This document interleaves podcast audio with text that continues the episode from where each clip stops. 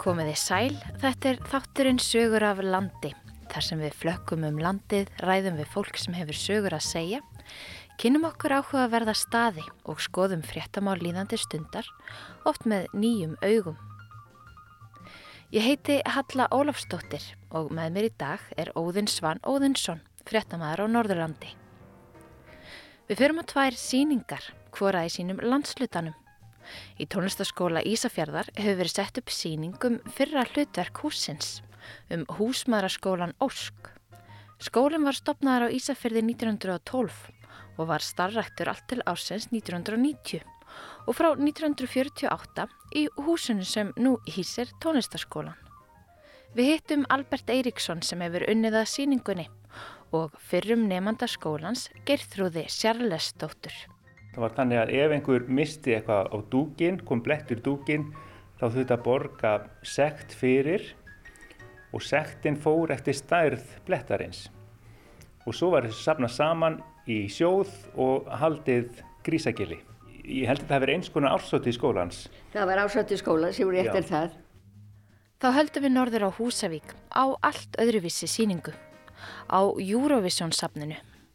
Við skoðum safnið með örlegi nefli örlegsinni, en heyrum einni sögu örlegs af miklum safna áhuga hans og Eurovision æfintrinu mikla á Húsavík.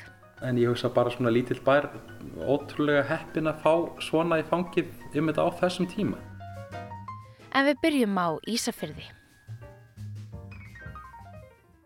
Ég stend hérna fyrir framann tónlistaskóla Ísafjörðar. Þetta er virðulegt hús viðsvæðis á Eyrinni og glöggir vekkfærandur hafa eldvel tekið eftir því að á húsinu stendur húsmaðuraskólin Ósk. Ég er einmitt hingað komin til að heyra um fyrra hlutverk húsins.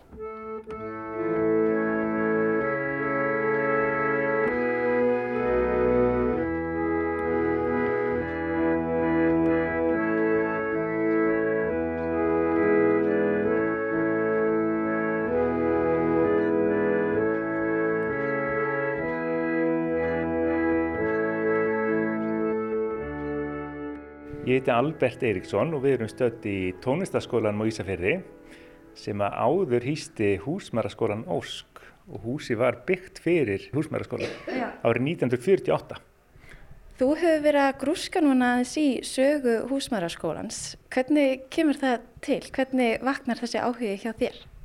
Það er þannig að Bergþór minn er skólastjóri hérna, búin að vera núna í á annað ár og um, fljóðlega eftir hann kom þá kom enga hópur af útskrifuðum konum sem voru í á skólanum og vildu fá að skoða og þá var ekkert þetta inni sem myndi á húsmæraskólan sem var algjör synd. Það er þannig að þegar skólinn hættir þá var allt tekið niður og sett í geimslu var síðast í Hnífstað líka náttúrulega leikskólanum þar Þannig að við svolítið brettum upp ermar og fengum góða aðstóð bæði frá Jónu Simoni og, Finney og, og fleirum Hjá byggðarsafninu. by- hjá byggðasafninu og söfnuðum saman ímsu og settum hér upp síningu og settum texta upp á veggi og söfnuðum saman skólaspjöldum. Já. Það, voru, það er til skólaspjöld alveg frá fyrstu árunum. Það var 1912 sem þetta byrjaði. Já. En hvað var það sem fór fram í, í skólanum? Hvað, hvaða saga er þetta?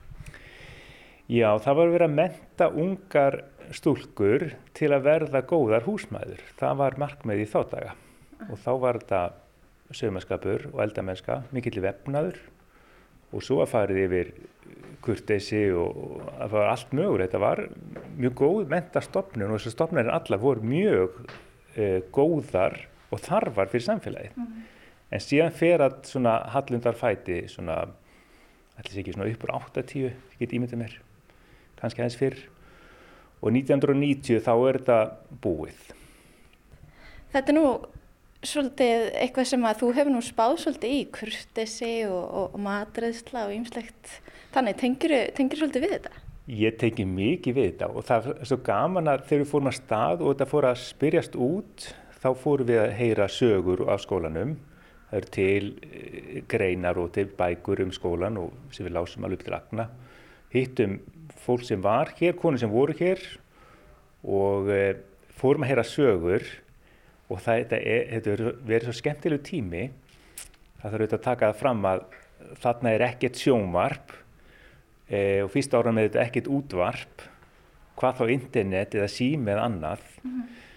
Þannig að fólk var svolítið, hafði ofana fyrir sér og stelpurnar voru á einhverju tíma kallar vetrahjálpið þar sem komið hingað í bæinn og strákarnir voru sérst mjög spenntir yfir því sem að, að væri að koma hér föngulegar stúlkur í bæinn og gerðu allt sem þið gáttu til þess að komast inn í húsið. Og við erum búin að heyra fjölmarkar sögur þar sem þe- þeir eru að svona laumast inn í húsið að, að kvöldi til og, og nóttunni. Og svo byggu er hér í húsin líka. Það voru byggu hérna uppi og þær voru í svo litlu herbyggju þá voru þeir oft fjóra saman. En þið hafið leitað liðsinnis hvenna í bænum sem að þekka þessa sögu og einn er hérna með okkur, Gerþrúður Sjallesdóttir, kölluð Gei-Gei, flesti þekkjan undir því nafni hér í bænum allavega. Hvernig kom það til að, að þú sóttir nám hér? Já, ég hugsa hann að vera, fyrst og fremst þá var móður mín, hún ítti mér við, mér- við mér. Hún var kvennfélagsskóri, kvennfélagin Ós, stofnar nú þennan skóla og held mikið upp á kvennfélagið og, og, og þennan skóla. Og ég hugsa hún hefði nú ekki fyrirgeð mér hefði farið úr bænum í annan skóla. Nei. En mér leiði ákvæmlega vel hérna og sé ekkert eftir ég hef farið í skólan hér. Þú ert hérna? Ég er frá Ísafjörði, ég er fætt á uppalinn og hef alltaf búið hér. Já.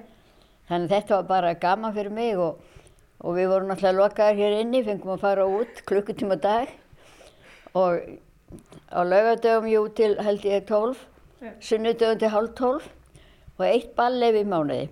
Þannig að útivisti var nú ekki mikil.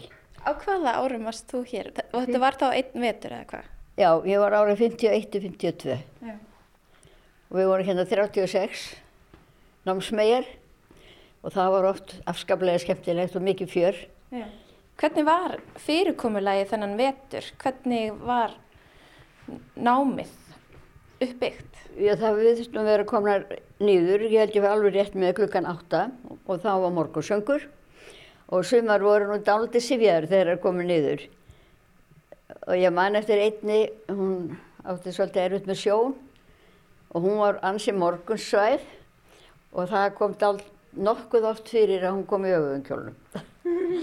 en við hjálpum, því, við hjálpum með það, en þetta var svona, já, þá var alltaf morgunsöngur og svo byrjaði bara, fengu morguverðin og svo var bara byrjaði starfi, kjenslan. Já. Já, já. Og hvernig, Ég hvað, minnist þess til dæmis að, að maður var búin að þurrka af eða skúra gólfin að kennarinn kom og strögg eftir hvert við hefðum nú gert þetta. Já. En svo þessi var skipt eitthvað yfir Já, vetur. við vorum fjóra mánuði í eldsunu og svo hinn helmingin í handafinu, þar skiptist í sauma og vefnað. Og það var bara mjög gaman líka. Já. Og svo var bóklugur tími, millir fjögur og fimm og, og hérna, og það var nú svona beði bara eftir því að klukkan er því fimm sem við kemstum út. Að eina klukkutíma. Þú bjóst hérna í bænum og sóttir nám við skólan, en, en hinnar stúlkurnar sem voru hér líka, voru þær þá viðsvegar af landinu? Já, já, þær voru, þær voru flestar á Norðurlandi. Heldur að verið tólf af Norðurlandi. Eyjafyrði, Akureyri og Dalvík. Já, ég held að það verið tólf. Og urðu til vináttur sem að vörðu? Já, já, já, já, já, já. En það eru líka margar hortnar, hortnar úr hópnum. Já. Jú, jú, við heldum saman. Svo komum við hérna saman þegar við höfum verið 60 ár í skólanum. Já. En við vorum ekki nema hvað, 6 eða 7. Þá voru sumar sko kannski ekki orðna vel ver- ferðafærar þannig að en þessar sem hafðu mestan áhuga, þær komu og hafðu góða fótavist. Þetta var skemmtilegu tími, en, en nýttist þér það sem þú lærðir? Já, já, já, ég myndi segja það. Já, ég myndi segja það. Hverjir voru áherslunar? Það var náttúrulega fyrst og fremst að fara vel með matinn sinni. Ég gleymi því aldrei, ég var í nummer eitt sem að við vorum settar í númer og, og ég lendi nummer eitt fyrsta daginn sem ég átti með elda og mér fannst hann svolítið hlægilegt að ég, já, hún kendi mér að sjóða karteblur. Ég held að ég kynni það nú. Það var það að ég átti að þvo þar vel og, og þvo moldinaði með köldu vatni og þetta var fyrsta sem, fyrsta sem að leysögnin sem ég fekk inn í skólanum. Voru líka ákveðna sérfiskur til staða. Já, þetta var allt mögulegt sem maður þurfti. En Svo kom líka ýmislegt upp á hérna. Ungi menn í bænum gáttu einhvern veginn komast inn í skólan sem við veitum aldrei hvernig stóð á því þeir komast inn. En ekki sögðu þeir nú okkur frá því. Og þeir gerðu ýmislegt a- af sér hérna sem að allir svona skemmtilega heitum. Eins og hvað? Já, svona, þetta voru svona upp á komur, ég man það var komið tveir menn inn þegar ég var í skólanum, ég hef mistkust tvísvar og vinkona mín sem var í herbyggjum með mér, hún vakti mig, hún var eina af þeim sem var mjög erfitt að vekja á mótnana, en hún vaknaði þarna og sagði mér að þessi maður væri hérna í skólanum. Og ég sagði hvaða vittleysa, komdu bara og sjáðu og ég fór fram á og kíkti, jújú, jú, þeir voru tveir hérna fram á gangi. Og þeir voru búin að gera ímislegt, þeir voru búin að leggja á borð og skrifa nýjar uppskriftir og, og eitthvað að fara í vefstofuna. En, e- og þeir, eins, já, þeir voru búin að fara á öll herbyrgi og enginn vaknaði. Nú, þeir voru bara að banka upp á. Já, ég, þeir bara gengu á öll herbyrgi og segði svona dúli dúli þeirra og svoleiðis og enginn vaknaði og nema við þessar tvær. Já. Þetta var alveg samningur hjá okkur öllu 36 að við þessar tvær færum og segðu skólastjórnum frá þessu og við gerðum það og þá sagði hún þið segið engum frá þessu að við hérna allar þessar konur enginn vaknaði nema þið og látið bara hérna stúlkundar ekkert vita af þessu en svo komið þér aftur setna og þá fórum við líka aftur og þá vildi hún taka á málunni Já. En hvernig komist þér inn? Já, það veit enginn. það veit enginn. Gerði hún ekkert ljótt af sér. Nei, þetta var svona sport. Já, kannski. ég heyrði sögu, hún var löngu setna, að þá voru ungi menn hérna í bænum sem hefði farið hérna í skó- í skólan og þá var búin að leggja hnísu á borði og hníf og gaffal stungið í. Hún hafðist ekki verið mjög hrifið þá skólastýran. Nei, skiljanlega ekki. Nei, þetta var svona ymsar upp á komu sem voru skemmtilegar Já. og bara hægt að hlæja það var ansið mikið um kallmenn alltaf hérna fyrir utan eða unga stráka. Ég var nú hart trúlofuð og kæristu minn var hérna í bænum sem var nú síðan maðurum minn og hérna en ég hef nú bara gaman að þessu líka og ég minnist þess til dæmis einu sinni að þá tókum við einhverja smápenningar sem við áttum, pökkum inn í servitið eitthvað, fýrið eins út um gluggan, báðum einhverja menn að fara að kaupa fyrir okkur og þeir fóru og við fengum ansið mikið fyrir það. En svo er eitt dæmi sem maður nú allt í lagi að segja frá. Að það voru tveir menn sem voru nú no- nokkuð eldri en við, orðið bara mjög fullotnir. Að við heyrum einhvern háa hérna fyrir utan, þá eru þær þetta tveir. Og þá var svo algengt að rollur væri görðum sem að var nú ekki vel liðið. Og svo við fórum að fylgjast með þessu. Þá var annar undir Svetlibíksgluganu hjá henni Þorbjörgu og ég armaði. En hinn stóð út á götu og kallaði Þorbjörg, það eru rollur í garðinum. Og þeir voruð þangað til að Þorbjörg kom út og þá voru þeir auðvitað farnir. Já. voru tveir ríkullöfnum menn. Þannig það var svona ímislega skemmtilegt sem að skeiði.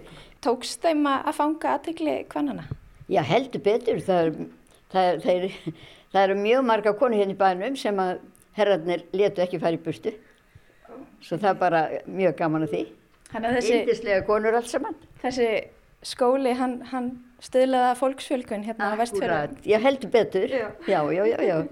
Þegar það fjölgaði sér. Já. En ég er afskaplega þakkláttur að hafa farið inn í skóla og minnst ég hafa lært ímislegt. Mér langar svolítið að byggja ykkur um að, að sína mér aðeins hvað við erum með hérna fyrir framann okkur, Já. svona aðeins að segja hlustendum frá því hvað, hvað við erum að skoða hérna. Endilega, sko, mér nokkar að segja þér fyrst frá e, veistlu sem var hér árlega, var kvöldu grísagilli. Já. Ég held að það hafi verið eins konar ársóti í skólans Það var ásvætt í skóla, sem voru eftir það. og þetta var þannig að það var sapnað í sjóð yfir alla veturinn sem var eh, blettagjald. Það var þannig að ef einhver misti eitthvað á dúkin, kom dúkin, þá þurfti að borga sekt fyrir og sektin fór eftir stærð blettarins. Og svo var þessu sapnað saman í sjóð og haldið grísagili. Og það var held ég í fjölmörg á þetta grísagili. Þú þurftir ekkert tíman að greiða í þennan sjóð. Já, já, já, já, gerðu það allar. Já, já, já, já. Já, já, já, þetta var mjög skemmtilegt. Þetta vera, þessu var, um, það var mikið eftirlit með þessu náttúrulega. Þetta allt færi síðsanlega fram. Einmitt. Þú ert búin að opna hérna skúfu, Albert. Hvað er hér? Hér eru skólareglur úr skólanum. Við sjá, það ekki, kemur ekki fram hvað ár þetta er en það er að aðeins svona breyst og hér kemur fram að það er óheimilt að hafa útvarp, seguband og plötuspílarna með sér. Nemundur þvó sjálfur af sér sokka og handþvott. Annar þvottur verður að vera komið niður fyrir lögðast morgun. Og svo var sem sagt, þau fá aðmænta líkil og það var sekt við því að tapa líklinum. Það eru 50 krónir sem þetta að greiða fyrir það. Þetta hérna eru trúlega nýri reglur Já. því að við áttum ekki segubandi en eitt slíkt þegar ég var í skólanum. Nei. Hér kemur fram sko í 8. grein nefnendur hafa útivist að leifi til klukkan 12 á laugadögum og til 11.30 á sunnudögum. Hvernig var að að vera svona mikið í skólanum, að fara ekki meira út? Þetta bara vandist. nei, nei, við vorum líka svo margar og þetta var bara skemmtilegt og við reyndum bara að gera þetta skemmtilegt. En af hverju voru svona stranga reglur um útvistatíma? Já, það er nú það. Ég held að þetta hafi verið bara svona í öllum húsmæðarskólum. Þa, það þyrfti ekki að bjóða ungu fólki þetta í dag, ef ungu stúrkum. Og ég var á herbyggiða sem voru fjórar og það voru kójur. Ég held að þetta ekki bjó- bjóða neinum svona í dag. Nei, alltaf það. Hei. Og hér eru fyrir aftan Geiki eru fjölmörga myndir og hún er sjálf þarna á nokkru myndum. Við sjáum hana hér. Þarna eru það prúðbúnar við Þetta er uppdekkað borð. námskeið sem var hérna. Þetta er námskeið sem var hérna og þessi kona hér, ég man bara ekki nafna á henni, hún var að kenna matrislu í grunnskólanum og hún held þetta námskeið. Og hvað voru það að læra á þessu námskeiði? Læra elda mat og baka. Þetta hefur verið svo, fjö, þetta hefur verið svo fjölbreytt. Það er hérna garðirkja og svo er, sjáum við mynd þar sem þær eru að reyta fugla og svíða. Já, það, ég var það nú alltaf, við, við kemstum að reyta held ég 40-50 lunda, reyta þá. ég, þegar ég fór að elda að lunda heima hjá mér, þá hamfletti ég hann. En hún var bara að kenna okkur að reyta fugla.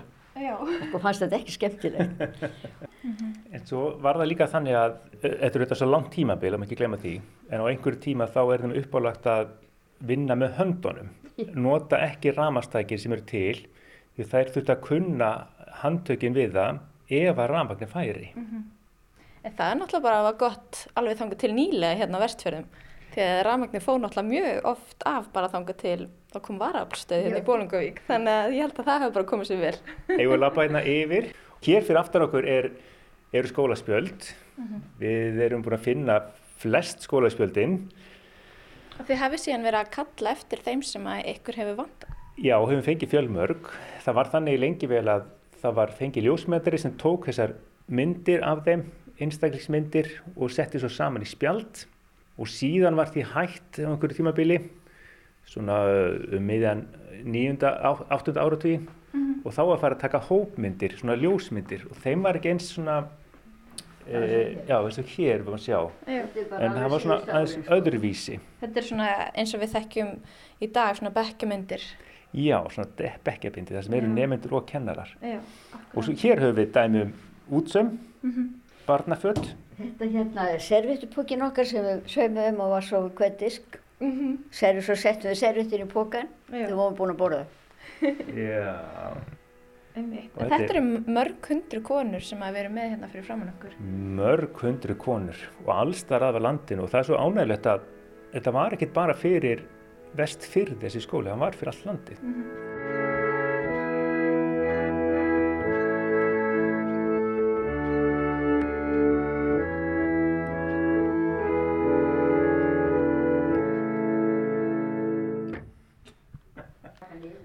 Geikið sagði okkur frá morgunsöngnum. Bergþór, þú ert búin að, að stúdera hann. Já, ég heyrði að það væri óþá náða eiga Jésum sem oftast var tekið en svo heyrði ég aðra skemmtilega sögu. Það hafði náðst piltur hérna á ganginum og skólastjórinn hendunum út en skótnir eruð eftir og skótnir voru settir onna orgelið í morgunsögnum og svo var það látna að syngja við freystingum gæt þín og síðan tók skólastjórinn skóna af orgelinu og spurði hver á þessa skó. Ætlum hafi fengið svar. Já, ég held að hafi einn gefið sér fram.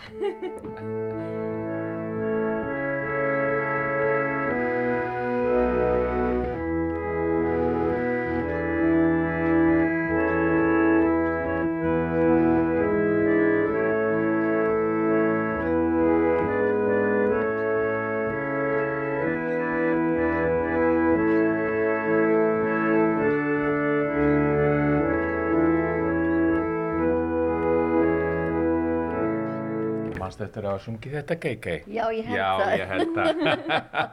og Já, er líka þetta- kirkjum allstaðar auðvitað. Og var Já. þetta spilað á þetta orgel? Já, á þetta hljóðfæri nefnilega.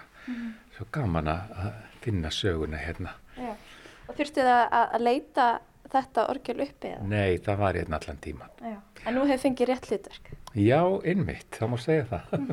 Nú höfum við bara morgunsöng allamotna. Já. Það er alveg merkil hvað það er hljóður úr þessu. Já.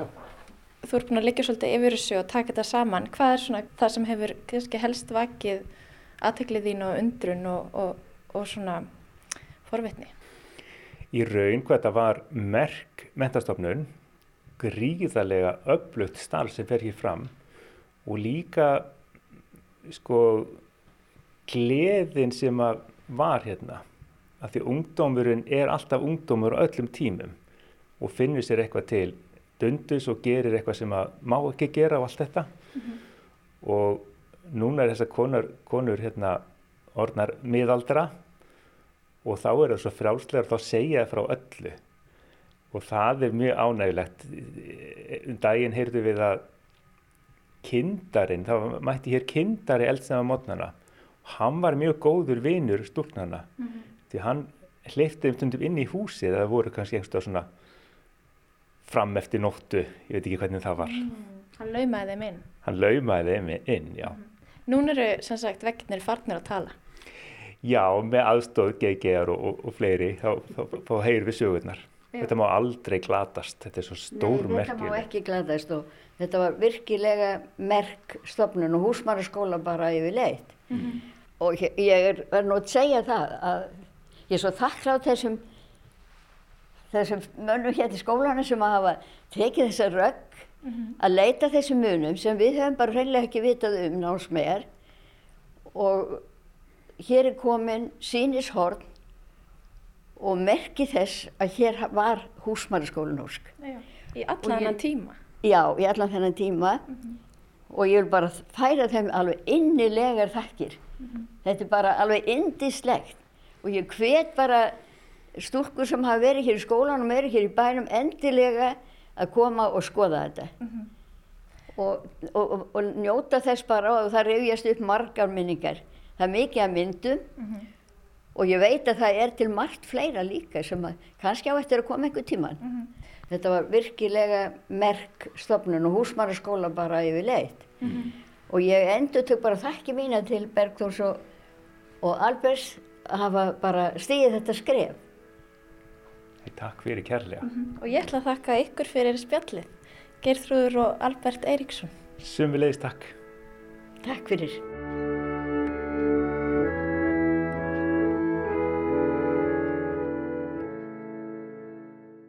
Í tónlistaskóla Ísafjörðar hittum við Geirþrúði Sjarlesdóttur fyrir um nefnda húsmaraskólans Óskar og Albert Eiríksson sem hefur unnið að því að setja upp síninguna um húsmaraskólan.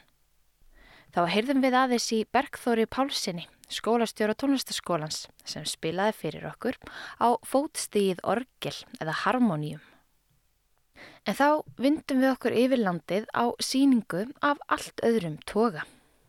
Við höldum til Húsavíkur við Skjálfanda og sláumst í för með Óðni Svan Óðinsinni á Eurovision safnið.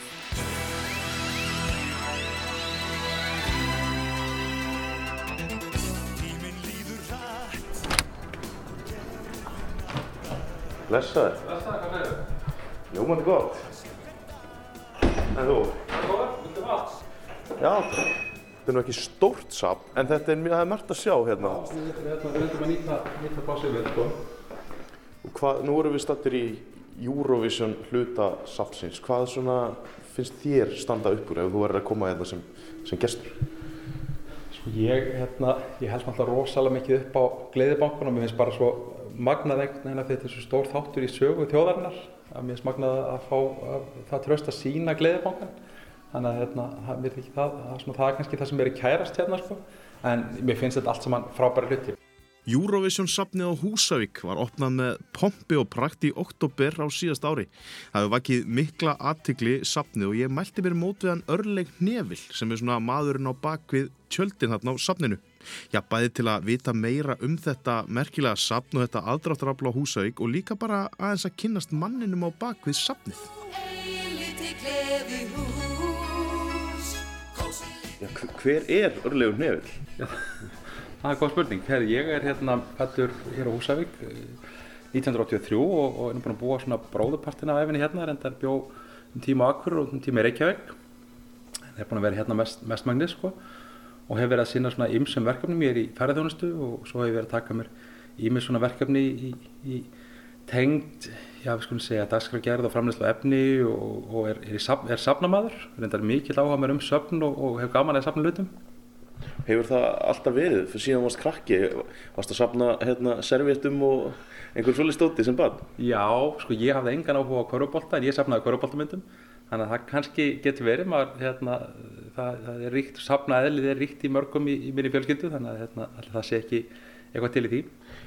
En þú hefur verið svona, fyrir mig sem eru svona utanakomandi eins og sérst einhvers konar driffjöður í, í, í, í samfélaginu hérna að, að það er alltaf eitthvað nýtt í gangi. Hva, hvaðan kemur þessi, þessi kraftur? Já, það er rosalega spurning. Ég hérna, veit það ekki alveg. Hérna, ég var, ég var hérna í skóla á Húsavík sko og hérna ég, ég lendi í dáltið miklu einelti hérna á Húsavík og sá einhvern veginn aldrei fyrir mér að ég myndi vilja búa hérna sem fullar en einstakningur og gæti eiginlega ekki beðið eftir að komast í burtu og um, ég flytt eftir grunnskóla til Akureyrar og hérna ég bara næja að skapa mig stóra mín á þar og, og svona fílaði með allt öðruvísi og svona saknaði þess ekkert að vera hér. Svo kem ég hérna mörgum ára setna ég var í burtu í tíu ársansett frá Húsavík. Og þá var einhvern veginn allt annar svona bragur af bænum. Og ég held að sko Húsavík hafi bara þróast mjög mikið á árunum svona frá 99 til svona 2005 það bara gerist mjög mikið í svona samfélagsgerðinni og ég einhvern veginn, ég fann það að mér langaði allt í hann að koma aftur. Og um, kannski er ég líka alltaf eitthvað að reyna að sanna mig með að vera alltaf að gera eitthvað nýtt, ég veit það ekki sko af því að ég var með einhverja minnumáttakent á sínum tíma sko, það gæti verið. Og þið, þið leið þá ekki vel hérna sem barn, alveg styrn uppi og í skóla og, og þýjulikt? Já, það var allt til langur tími sko sem að ég var átti erfitt hérna sko. En eins og segi, ég kem hérna aftur og, og ég finn svona einhvern veginn það er svona önnur orka, það er miklu meiri skapandi orka þegar ég er sný hérna aftur til Húsavíkur og ég uh, fann það með langaði til að koma inn í þetta samfélag og uh, vildi þá gera það svolítið svona stort, skilur þau þannig að hérna, allir það sé ekki það sem hefur ítt mæni í stað að gera allir þessi verkefni sko, en svo hefur það bara gengið vel og það hefur bara þroskað mig á, á svo ótalmarkan hátt og kannski hjálpað mér að stíga yfir þetta gamla dæmi allt saman. Var, var það erfitt að koma hérna aftur og á, taka þessu ákvörðun, ég, ég, ég mættur aftur? Nei, það var það náttúrulega ekki og hérna kannski líka því að sko bæði finnst mér samfélagi verið svona breytt svolítið og svo var líka það að samfélagi var þannig að það var búið að byggja hérna um kvalasafnið og kvala, mikla menningu kringum kvalaskoðan og það var svo mikið af fólki allstæðar á heiminum sem hafði ekki verið þegar ég var hérna allast upp sko. allt í henni var þetta orðið svona fjölþjóðlegt samfélag það er alltaf stort samfélag pólst hérna núna það er mikið af ítölum hér á Húsavík og svo bara er á hverju sumri kemur hér stór hópar af fólki allstæðar á heiminum til að vinna í ferðarþjónustu og, og söfnunum hérna og þetta svona, þetta kryttar samfélagið og hérna kannski á sumanátt kom ég inn í annað samfélag uh, af fólki en líka kannski að fólki sem var fyrir var búið að breyta svolítið og, og svona samfélag var allt í einhvern veginn miklu opnara fannst mér. Þú kemur hérna ungu maður aftur tilbaka og staðræðin eins og þú segir sanna þig. Hva, hvað var það fyrsta sem þú gerir? Herri, við, hérna, við fórum í það að byggja upp uh, gistithjónustu og, hérna, og það gekk, gekk bara mjög vel þannig að við, við vorum fyrsta árin bara mikið að stækka hana vorum um tíma að reyka hér fimm gistihús í bænum en það var náttúrulega alltaf mikið og, hérna, og við erum sem betur fyrir búin að fækka því og erum núna, núna bara með gisting á einum, einum stað og leggjum áherslu á það. En svo eru byggt svolítið ofan á það, hérna, þú vilt að fólk hafa eitthvað að gera þegar það kemur til húsaukur annað en að hérna, gista og fór sér að borða? Það? Já, já, ég hef búin að byggja upp á senustu tíu árum tvö söfn og annað er, er safn sem er, er helgað landkonnuðum og, og landkonnum og ég er svona, eh, ég fekk áhuga því að því að Ísland á svo marga skemmtilega tengingar. Þekktasta kannski af þess sem ég verið að fjallum er, er sagan af amerísku geimförunum en það er svo margt annað í því, það er sko hér hafa, hér voru pólfaradir á sín tíma að æfa sig á, á jöklunum okkar og, og, og, og Vegner sem kom með landrækskenninguna, hann var hér á þessum slóðum og, og sér hér í landslæginu allt sem að stiði við hans kenningar. Og það er svona marga sögur, náttúrulega vikingarnir hér á sín tíma þannig að þetta er svona þetta er, Ísland er svolítið svona land, landkunnuða og mér finnst það heillandi og, og fór að byggja upp það safn. Svo kemur Eurovision myndin og þá hefst annað æventýri sem er, er það safn sem við erum búin að byggja upp núna sem er um, um, um, já, um Eurovision keppnina og þessa mynd þannig að hérna, ég hef gaman að hanna síningar og safna saman munum og, og, og púsla þessu svona saman. Þetta er, þetta er svona gefandi vinna finnst mér. Núna ertu hjá mér, Nína. Stríkur mér um vangan, Nína. Nú eru alltaf með og Eyvi sem eru hér eh, til sínis jakkarnir þeirra, þeir eru að koma hér eftir nokkra daga til að tónleika og ég hlakka til að smetla myndaðum hérna fyrir framann jakkana sinna gamlu sko. Þetta er passíðu, eða þá? Já, það er ekki langt segðan þeir fóru í þá fyrir myndatöku sko. En hvernig, þú veist, hér er hérna kjóllin sem að Jóhanna Guðrún var í gleðibongabúningurinn uh, Þetta er eitt lag enn. Hérna, hvernig gekk þér að, að safna þessu saman? bara mjög vel og hérna, það sem er merkild er að þessi munir voru að miklu leiti bara í, í, í geimslum sko. þannig að hérna, það var nú það sem við, einmitt, svona, við tókum þetta gleði út úr því einmitt að, sko, að vita að þessi hlutir var að koma úr kossum ekki staðar og var að fara að gleðja fólk aftur og mér finnst það skemmtilegt og þeir eru að gera það, fólk, fólk sérstaklega Íslandingar sem koma þetta, fólk þekkir þetta allt um leið Já, já, það þarf ekkert að segja að þetta sé gleðibongabúningurinn, sko. það sést, langa leiðir sko, þannig að hérna, það er, ég, ég nýt þess að vera hér að labba með, sérstaklega með Íslendingar sko, sem að þegar ég labba inn í þetta herbyggi með öllum þessum sögum sko, að hérna, sjá hvernig fólk ljómar upp. Þessi Eurovision mynd, Will Ferrell og þetta var svaklega ævintýri. Þú, þú komst nú svolítið að þessu, þessu verkefni, ekki? Jú sko, ég kom mikið að þessu svona í eftir að myndin var komin út skulum við segja. Ég, hérna, ég, við vorum auðvitað að þjónusta hér tökulegið á sinni tíma þegar við vorum að taka upp myndina. Það voru nú meira með allir í minni fjölskyldu að leika aukalutverk í myndinni og mikið á húsvíkingum en ég var, reyndar, var ekki því. En, hérna, en svo kemur myndin út og þá já, Húsavík kemur svo skemmtilega fram í myndinni og, og eiginlega svona, ég hef svona sagt að Húsavík er svona eins og karakter í myndinni. Og við, ég áttaði mig strax á því að þetta myndi því að það að hinga myndi koma mikill fjöldi fólks, meira þess að í COVID. Og hérna, og hátt margir hafa spurt okkur hvort það hafi ekki verið óhafni að fá þessa mynd, þessa miklu, miklu kynningu fyrir okkur yfir á COVID tíma en á suman hátt þá var það líka betra. Það skapaði önnur og öðruvísi tækifæri.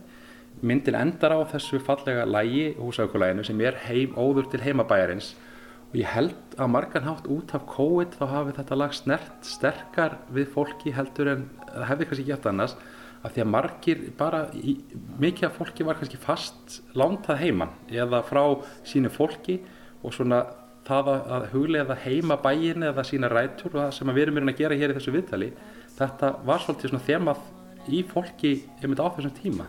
Sumir voru fastir heima líka þannig að heima var svona svolítið stert, stert svona í, í vitund fólks held ég á, einmitt á þessum tíma þegar myndið kom út og þess vegna kannski virkaði þetta lag um Húsavík svona stert á alla það var ekkit endilega um Húsavík, það var bara um þessa tilfinningu. Það að eiga sér einhver, einhverja rætur einhver staðar annar staðar en þú ert akkur núna. Akkurát, þannig að hérna, þannig að það, en, en fyrir vikið þetta því að Húsavík er hérna í, í borgurinn í þessu þá náttúrulega vekur það mikla aðtili á okkur.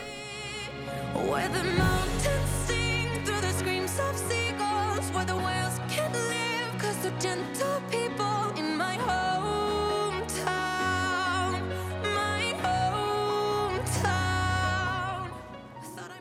Út af COVID þá var búið að breyta reglunum fyrir Óskarinn, myndinirinn hefði aldrei átt möguleika á því áður. En, hérna, en það var búið að opna meira á, myndir úr streymisveitum, ekki myndir úr kvikmyndahúsum fyrir Óskarinn og, og hérna, við fórum að gera því skona, kannski geti þetta lag gert einhverja hluti og fórum í, í mikla, mikla vinnu, vorum í rauninni byrjuð í oktober þarna myndi, ára sem, eða sem þegar myndi kemur út, við vorum í rauninni sex mánuði undirbúið þessa herrferð, við höfum ekkert sagt mörgum frá því sko. En hérna svo bara letum við hana eh, svona út í kosmosið með látum í- þegar að, sagt, þegar að kostningin er að byrja fyrir, fyrir Óskarinn. Og það var rosalegt æfintýri, við, við byggum til myndband, við byggum til hér svona tilbúna persónu sem við kallum Óskar Óskarsson. Góðan daginn. My name is Óskar Óskarsson. Welcome to my hometown. Husavik, the most beautiful town in the world. We have clean water. We have the northern lights and dancing whales. All we are missing in Husavik is another Oscar, the most beautiful name in the world. Yes, at the moment I'm the only Oscar in Husavik. But og uh, þetta, við vissum það að þetta væri svona, við varum búin að búa til svona ákveðna hugmynd sem gæti mitt heilla fjölmiðla erlendis að lítill bær væri að, að að vinna Óskarsvelunin eða þannig að það fyrir þetta lag sem er um bæinn. Og, um, það komu einhverjar þrjár fjóra greinar fyrsta daginn sem að fjölmiðlar úti sem pikkuðu þetta upp eða sem tóku eftir þessu. Og svo á degi þrjú þá sem byrtir uh, þáttur sem heitir Good Morning America sem er svona morgun þáttur í bandaríkinu byrtir myndbandið okkar í heilsinni og eftir það þá náttúrulega fór allt á flegiferða því það er, það, það er þáttur sem fjóra til fimm miljónir manns er að horfa á hverju stundu sko. Þannig að hérna, það gerði mikið fyrir þessa herferð okkar og, og eftir það var maður eiginlega bara við vorum eiginlega svona hálfgerð svona hvað maður að segja, upplýsingamiðstöð fyrir bara erlenda fjölmiðla þarna er okkur dag eftir bara að svara fyrirspurnum og það var rosalega skemmtilegt og svona öðruvísi af því að svo þess að millega maður að búum rúm sko.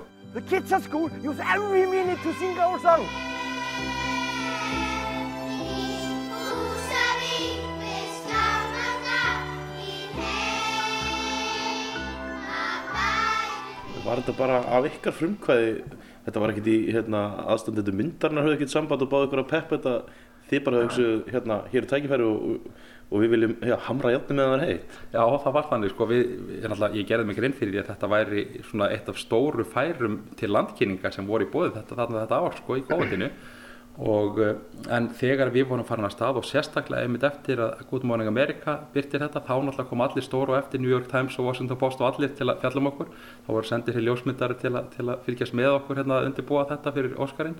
En hérna, en sem sagt, þegar, að þessi stóra umfyllin kom hérna í bandaríkjunum þá uh, byrjaði Netflix að bakka okkur upp og fór svona að íta því sem við varum að gera meira á framfæri. Og hérna, og það var nefnilega merkilegt að Netflix var með, var með annað lag sem þeim voru að veðja á í þessum flokki sem besta lagið. Og hérna húsaði hvað er eiginlega ekki það þeirra ratar hérna þegar þið byrjuðu. Og það er sjást best af því að, að, að það hafði ekki verið gerða neina rástafinni til þess að fá landvistarleifi fyrir hana Molly Sandens, sænsku söngkonu sem syngur lagið og þegar að þetta er komið svona langt þá var það bara þá sent að, að fara með þessa pappisuna og það reyndar bjóð sér til annað alveg ótrúlega tækifæri fyrir okkur. Og það endaði með því að já, þið voru bara eh, stórt númer á Óskars háttíðin hérna, hérna Húsavík. Já, fyrir vikið sem af því að hún komst ekki til bandaríkjana þeir, þeir netflýstjórarnir tók, tók hún ekki eftir þessu tækifæri fyrir nú seint sko. þannig að þeir gátt ekki komið henni út og hérna, þá var náttúrulega allt sett að fylgta bara komin í hinga til húsa aukur og við fengum hér tækifæri til þess að framleiða þrjára og hálfa mínútu fyrir Óskar veluna háttíðin og það var náttúrulega eitthvað sem að ég mitt svona tækifæri sem hefði aldrei dottið upp í hendunar á okkur nema fyrir bara röð alveg ótrúlega tilvíljana og aðstæðana sem voru í gangi sko.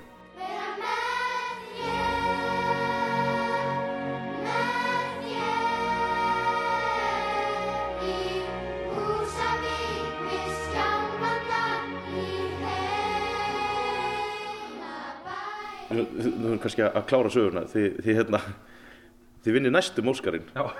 Var, var, var, var það svekkjandi að, hérna, að, að Óskarinn skildi ekki koma heim til Húsavíkur? Nei, í rauninni ekki sko. Jú, jú, það var auðvitað langa, langa okkur til þess sko. en, hérna, en þetta gerði svo mikið enga síður sko. og hérna, bara ymmit sko, kannski af því hvað hérna, eins og ég byrjaði hérna, mína sögu við því sko, að, hérna, að þarna fann ég sko rosalega samhældni, það bara voru allir, það voru allir tilbúinir að, leggja hér í bænum þessu átæki lið og alveg sama hvert maður fór. Og það var bara, veist, það var allir stoltir og það voru allir gladir og ég myndi á tíma þegar að hérna, það er bara búið að vera erfitt hjá mörgum og, og í svona bæ eins og Húsavík, litlum bæ sem byggir ákveðu mikið á ferðarnustu, þetta er búin að vera þungur tími, COVID-tíminn sko, en þarna kemur eitthvað sem alveg er gríðarlega innspýting á gleði og ég hef nú reynda sagt það að þetta Eurovision verkefni allt, ég menna Eurovision er, er svona keppni sem að, sem að fyllir, það er auðvitað að skipta skoðan ráin en hún er, hún er gleði gjafi og hún er saminning líka og, náttúrulega á þessum tíma sem við erum upplegað núna gríðarlega mikilvæg. En, hérna, en ég hugsa bara svona lítill bær ótrúlega heppin að fá svona í fangið um þetta á þessum tíma Það var rauðu dreigill hérna í, í gegnum bæinn og það var öllu til tjálta. Jú, jú, og, hérna, og við náttúrulega hér, það er náttúrulega búið að reyka leikfélag hér á Húsavík síðan 1901, þannig að hér er mi- mikil, við, við kunnum að setja á svið, sko, og við náttúrulega gerðum það bara.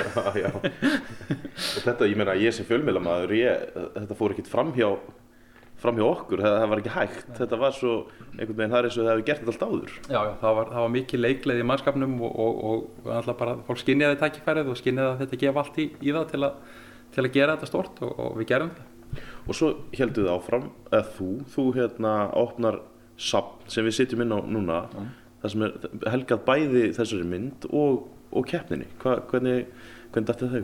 Ég sko eftir að, við, eftir að þetta, þessi herfer fór á fullt þá vorum við komin í svo góð samskipt við Netflix að við, hérna, við sem sagt rættum við Netflix, við vorum búin að orða þá hugmynd að gera sýningu um, um myndina og, og, og jafnvel um Eurovision keppna líka. En hérna, eftir, eftir Oscars hasarinn allan þá vorum við komin svo mikið að tengilega minna á Netflix það var miklu auðveldar að vinna með þeim í því framhaldin og þau voru bara okkur gríðarlega mikið innan handar að fá muni úr myndinni og, og, opna, opna tengingar. Við vorum líka í miklu sambandi við EBU sem er sem sagt, European Broadcasting Union sem eiga Eurovision keppnina, samtök Evrósku sjónvarstöða og þau hafa verið okkur hérna, stóð og styrtið þessu líka. Og svo náttúrulega eh, má ekki gleyma Felix Bergsinni okkar, okkar aðalmanni hér heima sem er náttúrulega í stjórn Eurovision keppninar að mann hefur verið ykkur innan handari að koma svolítið á koppin Þannig að við höfum notið mikillar aðstofar frá aðalum sem að hérna, hafa geta rétt okkur hjálparandi að gera þetta. Þetta er náttúrulega óvanilegt að setja upp sýningum Eurovision í svona pínulitlum bæ, en samt kannski akkurat viðeigandi. Finnuru, það var auðvitað stóra, kannski markmiðið auðvitað í þessu öllu saman að skapa einhverja gleði og létta andrumslofti en þetta var líka að reyna að fá fólk til húsaukur.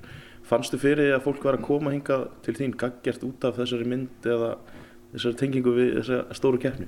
Já, og það sem að reynda komur óvart, ég eh, var undir það búinn. Í byrjun COVID þá gekk eh, svona kannski frekar bröðsulega bandaríkjunum en Evrópa var á margan átt sterkari af undan skilin Ítalía. En hérna, þannig að við svo sem sáum ákveðin tækifæri því að að bandaríkjuna hafa verið mjög sterk sem ferða þjóðhinga til Íslands að þetta kannski myndi búa okkur til aðeins sérstöðu út Evrópu.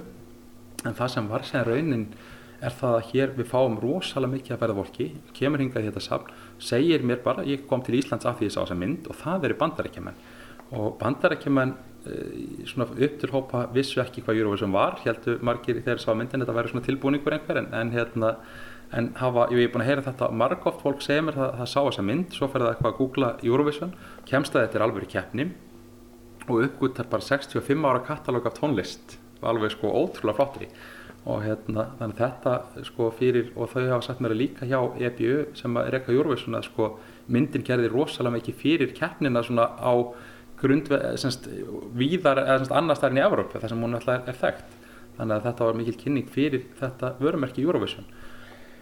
Og uh, við bara tökum þar alla daga hér fólk að koma ymmit út af þessu og, hérna, og þetta er nú að verða, já í sömur er hann tvö ár senni myndin kom út, manni finnst það svo búið að vera stutið tími en þetta, er, þetta, er, að- þetta líður og það er samt ennþá að gefa og ég held að ég eftir að gefa mikið í sumar af því að nú eru ymmit stóru hópar af bandaríkjumann að fara að ferðast og Will Ferrell kannski það, var, það sem ég var ekki búin áttum á er svo rosalega á svo stert svona uh, sterkan aðdandahóp í bandaríkjunum og það er hópur sem að komur óvart er á öllum aldri. Það er vera mikið af eldra fólki sem að kemur hérna og eru bara aðdándur Will Ferrell og, og elska grínið hans sko, og hérna eru það svona komin hinga. Svo ef maður lappar hérna áfram þá er svona einhvers konar vistlusalur og, og önnur sýning tekur við. Það er þá sem er helguð þessari bíómynd sem við talað svo mikið um. Já.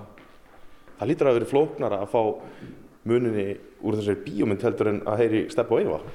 Í- Já, já, á margar hátt, en, hérna, en eins og segi, Netflix út af því hvað við vorum að vinna mikið í samtöf við herrferðina þarna fyrir lægið þeirra, þá náttúrulega voru þau mjög viljið til að aðstofa okkur.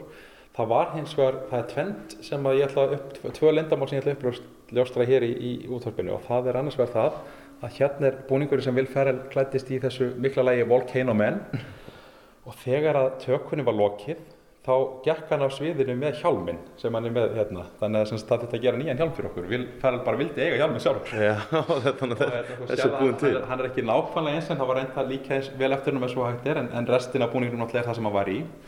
Hitt er það að undir þessum ótrúlega flotta jakka hérna sem að Rachel McAdams var í, í tökunni þá hérna, var hún í þessum kjól hérna og hann týndist. Já, þetta er ekki alveg eins kjól. Nei, það, það er allt hérna inni er sem stór myndinni nema þessi tveir hlutir, það er kjóllin undir þessum jakka og það var nefnilega þannig að þetta kom ekki í ljós fyrir að var farið að taka upp á kossunum mér á húsauk, bara nokkrum dögum árum við ætluðum að opna. Og þá voru góður á dýr og hérna, svo uh, horfi ég á þennan kjól og ég horfi á þessar palettur hérna á hannum og ég hugsa ég séð þetta áður, þetta munstur allavega og hérna hljóp heim til mín og, og sagði við konuna mín að ég ætla að fá brúköpskjólin og hérna og hún var nú svolítið hissa. Og ég sagði hérna hann verður vel gemdur það sem hann verður.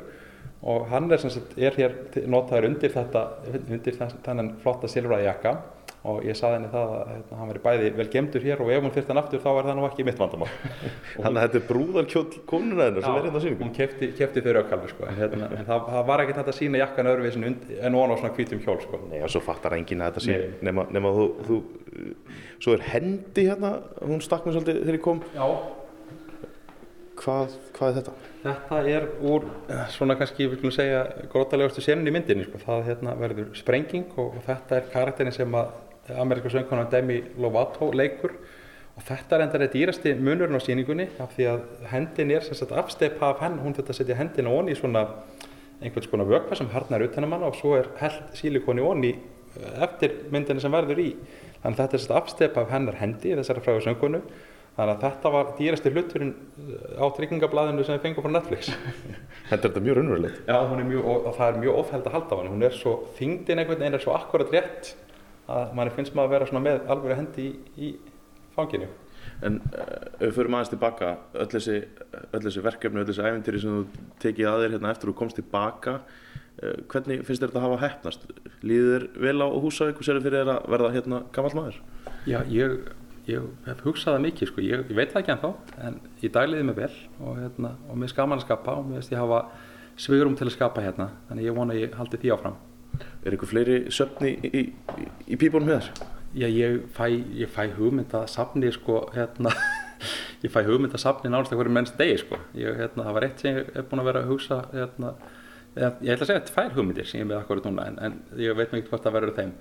Ég, þegar ég ferðast um, um útlönd þá tek ég alltaf myndir af, af þessum hringlóttu lokum sem eru ofan á holræsinum, af því að víða, víða er svo skemmtileg hönnun á þessu og hérna, ég veit ekki til þess að menn hafi lagt einstakar í það að gera safn af svona lokum hérna, hérna og þannig heiminum, það er svona hugmynd sem ég björg.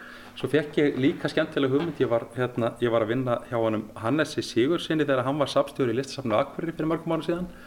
Og Hannes ringdi inn í beina útsendingu á Rás 2, þar hafði verið, hérna, Jóhanna Sigurðardóttir fórsættsöðara þá hafði verið í viðtali, hafði verið að drekka á svona pappamáli. Og það var varalittur á málinu og, og þáttastjórnir sem komu í stúdíóðu eftir, eftir henni dætti huga að bjóða þetta upp og hann kefti það á 200.000 krónur. Og hérna, ég fór að hugsa svolítið um svona söfnun hluta og hvernig sko, það hafa allir hlutir einhverja sögu en þetta er bara spurning um að taka hlutin og setja hann á stall. Og mér dætti í huga að það getur verið svolítið skemmtilegt að búa til samt þar sem að helmingurinn af hlutunum væri með merkilega sögu. Hinn, hlut, hinn helmingurinn af hlutunum væri hlutir sem litu áhugaverðir út og það væri búið að skálda sögu um þá sem sagt bara hreinan uppspuna og svo þetta fólk bara lappum og það fengi að geta vita hvað væri raunverulegt og hvað ekki Þú voru að láta þetta vera veruleika. Þetta getur verið svona hugmynd en eins og sé ég, er- ég fæ endal þessar hugmyndir á safnum sko. Hva, hvað heldur það að sé sem svona drífur þið áfram í þessu? Er þetta bara hérna, einhver svona eh, nördismi sem er bara er að springa út? Já, það sé ekki bara akkur Takk fyrir að fara með mig hérna í gegn og takk fyrir spjallið og gangið vel í næstu æfintyrum. Takk fyrir það